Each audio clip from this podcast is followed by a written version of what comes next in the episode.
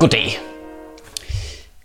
Ja, altså, altså jeg er ikke selv tilfreds med det, vel? Men i den her uge, ham der Morten Messerschmidt, han er sgu svær at komme udenom den her gang. Jeg, jeg, jeg troede, vi havde lukket den. Jeg troede, vi havde øh, snakket om Morten Messerschmidt og svindel med EU-midler, og så var det det. Men altså, det kræftede mig ligesom med film i Marvel-universet. Hver gang man ser en ny en, så tænker man, så kan I da heller ikke tage os med langhånden på den. Hva? Kan I det? Men så, bare kan det? Så kommer der skulle lige en ny en.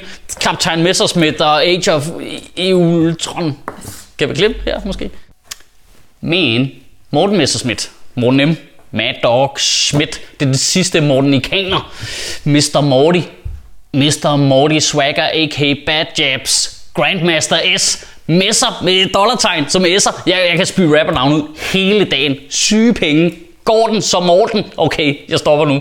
Vi kalder ham bare Morten Messerschmidt. Han er blevet afsløret denne uge i at snyde endnu mere med EU-midler, end han var blevet afsløret i at snyde med EU-midler i forvejen. Øh, han er blevet afsløret i at snyde med EU-midler allerede i foråret. Og til dem, der ikke er fuldt med, så tager vi lige sagen lynhurtigt. Er I klar? Dansk Folkepartis medlem af Europaparlamentet Morten Messerschmidt og ledende figur i den anti-europæiske alliance MEL og tilhørende fond FEL blev sidste år pålagt at betale 2,9 millioner kroner tilbage i EU-støtte, fordi det blev brugt til Dansk Folkeparti-ting og ikke EU-ting. Nu er man så taget med hænder ned i kagedåsen igen. Dansk Folkeparti har brugt penge fra EU til at finansiere både medietræning af politikere og betale sommergruppemøder. Jeg sagde det hurtigt. Både Søren Espersen, øh, der selv har indrømmet, at han bare var et proforma medlem af bestyrelsen i foreningen MEL, og Christian Tulsendal har skrevet under på de budgetter, som har indholdt EU-midler, som han har brugt forkert, men det forhindrede dem ikke i at tørre hele lorten af på Mopac Messerschmidt. Jamen, han fik bare hele skylden lige med det samme og blev fyret fra Dansk Folkepartis ledelse. Men har lidt fornemmelsen af, at lige nu sidder Martin Henriksen og kigger på, hvor lang tid har Morten Messerschmidt egentlig været nede i Bruxelles, og giver det egentlig anledning til at tage hans øh, statsborgerskab fra ham. Det er lidt den fornemmelse, man har bare. Nå, men jeg, jeg, jeg kender ham ikke. Jeg kan ikke sige, om han er dansk. Jeg, jeg kender ham ikke. Det, det er mig, Martin. Det er mig, Morten. Martin. Jeg kender ham ikke. Jeg ved ikke, om han er. Altså, der er jo folk fra The Wire, der kigger på den fyring og tænker, det der, det er måske lige kynisk nok. Jeg ved godt, jeg har nævnt det før, men der er sgu et eller andet enormt smukt i, at Dansk Folkeparti bare fumler så sindssygt meget rundt i deres EU-modstand lige for tiden. Altså Europol og fup med EU-midler, i tvivl om man skal stemme for eller imod EU. Altså det, de, de symboliserer os danskere og vores holdninger til EU så smukt lige nu. Jeg, jeg det, altså de har aldrig før, har jeg ikke opfattet dem som dansk folkeparti. Men lige nu er de jo rent faktisk bogstaveligt talt den danske befolkningsparti. Fordi jeg tror, alle almindelige mennesker har det fuldstændig. Ligesom Christian Thulesen Dahl. Der er jo bare sådan, Åh, skal vi stemme om vi skal være med i EU, ligesom England? Ja,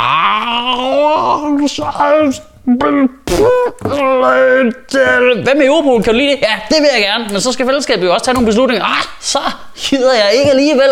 Hvad med penge fra EU? Jo tak. Men skal vi så være med i EU? Ja. Men det er jo langt fra det mest hygeriske ved Dansk Folkeparti's forhold til EU, at de selv har suget penge ud af EU på værste pampermaner. og at Morten Messerschmidt har skrevet en bog om, hvordan EU spilder deres penge på den måde, og at de nægter at lægge dokumenterne frem, selvom de forventer det af alle andre. Okay, det er meget hyggeleri på samme sted, men det er stadigvæk kun sådan en form for overfladisk hyggeleri. Ja, ja, de har svindlet med nogle midler og sådan noget, og det må man ikke, eller noget. Men det er jo ikke så vigtigt for helvede. Det har jo ikke noget med partiet eller politikken at gøre. Selv det, at de løj om, at det var nemt for os at få en parallelaftale omkring Europol, selv det er faktisk ikke så vigtigt. Det reelle hyggeleri ligger jo i, at Dansk Folkeparti er for Europol-samarbejde. Man vil gerne samarbejde med de andre landes politi og skabe det bedst mulige politi, vi kan. Men man vil ikke have ulemperne. Man er, man er imod selve samarbejdet. Man vil gerne have fordelene. Det, det, der er noget ekstremt selvmodsigende i, at man gerne vil have alle fordele med EU, men man hele tiden siger, at man er imod EU.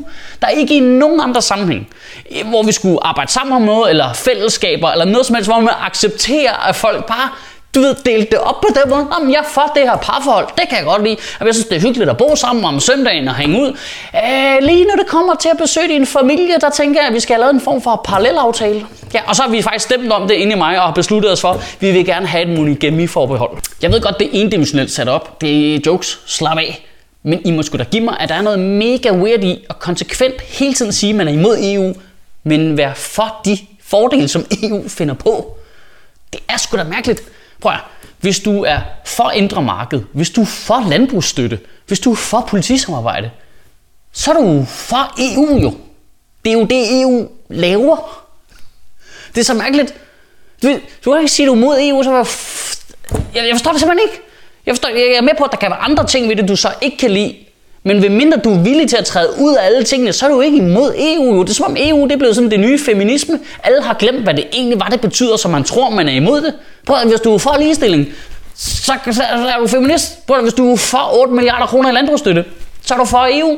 Nu har jeg været efter ja-partierne nogle gange, ikke? Men hvis vi lige retter, retter skytset mod de der nej-partier der, lige et øjeblik, altså så savner jeg virkelig, at nogle af dem svarer på, altså, skal vi være med i EU eller ej? Nu, nu må I simpelthen finde ud af det. Det bliver lige lovligt bodega-retorisk, det der med bare at kunne skyde skylden på EU med alt, bare øh, vi er mod EU, mod EU, men ikke foreslå, hvad løsningen så er i stedet for. Altså, hvad skal der ske med landbruget og politiet og vores handel, hvis vi ikke er med i EU? Der er ikke nogen, der tager stilling til det overhovedet, for landbruget fucking lukker jo, hvis vi ikke er med i EU. De får 8 milliarder kroner om året, de har gigantisk hul i budgettet. Det, hvor fuck skal de penge komme fra? Det, det irriterer mig bare. Altså Christian Thulesen Dahl sagde selv, efter Brexit, at øh, vi lige måtte vente og se, hvilken løsning englænderne fik, før vi besluttede os for, om vi skulle have en afstemning, om vi skulle være med eller ej.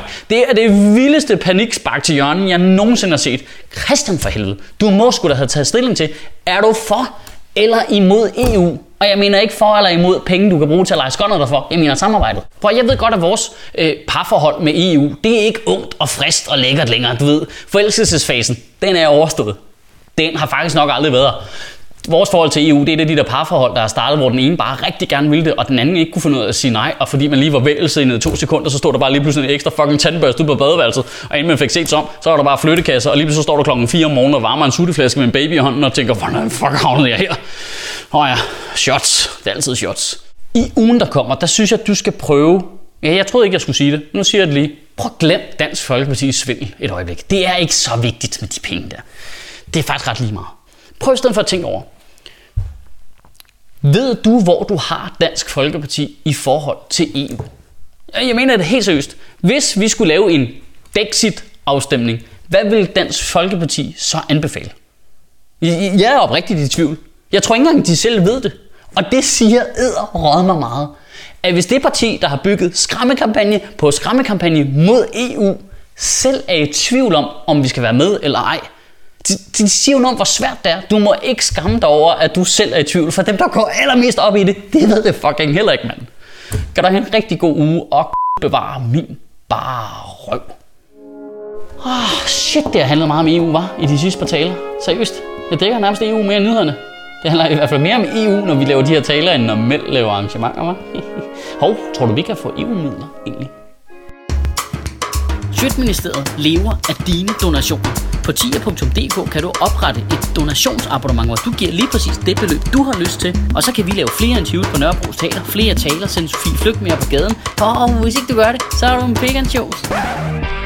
Hej, har du lyst til at støtte vores crowdfundede komedieserie?